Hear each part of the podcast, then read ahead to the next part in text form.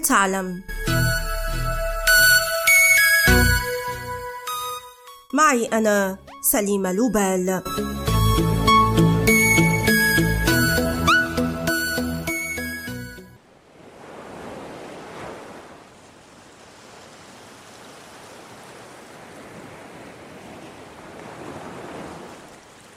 لطالما حرصنا على سماع الصوت المنبعث من عمق القواقع والأصداف إنه صوت موجات البحر التي تذكرنا بالعطلة والشمس والراحة فهل فعلا تحتفظ القواقع في ذاكرتها بالأصوات الطبيعية وببيئتها الأصلية وكيف نسمعها أو نعتقد ذلك على الأقل؟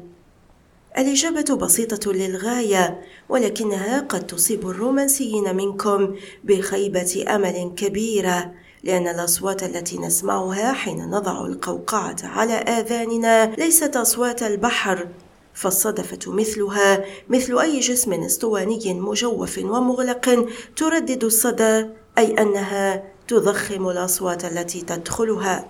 فالأصوات التي تصل إلى فتحة التجويف تنعكس على جدران القشرة الصلبة والناعمة إلى حد ما واعتمادا على شكلها وأبعادها. سيكون الصوت التي تدركه الأذن مختلفا وبالتالي سيكون الصوت أكثر حدة. في حال كان تجويف الصدف أكبر. ويعتقد الكثيرون أنهم يسمعون صوت البحر في الأصداف لأنهم ببساطة يربطون هذه الأشياء. والمتعلقات بالإجازات الجميلة على شاطئ البحر. وأما مصدر هذه الضوضاء التي يتردد صداها على جدران الصدف وهي ملتصقة بآذاننا فيعزى إلى الدورة الدموية لدينا.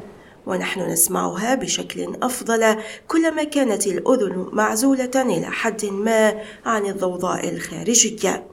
ويكفي أيضا تحريك الصدفة بعيدا عن الأذن أو تقريبها منها لإحداث اختلافات في هذه الخرخرة المنتظمة. وإذا كان الصوت يذكرنا بالبحر فهو بلا شك توارد أفكار فقط، لأننا يمكن أن نعيش التجربة ذاتها بوضع علبة خردل زجاجية على الأذن، وأما الأشخاص الذين يعانون من طنين الأذن الناجم عن ارتفاع الضغط الدموي أو النفخة القلبية فيمكن أن يسمعوا هذه الأصوات طوال الوقت.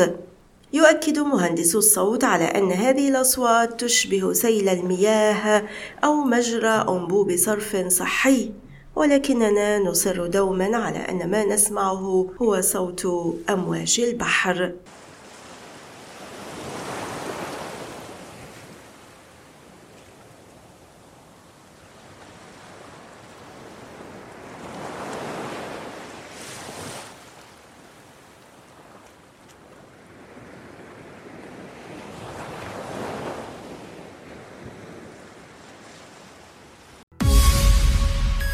والآن إلى اللقاء مع حلقة جديدة من بودكاست هل تعلم؟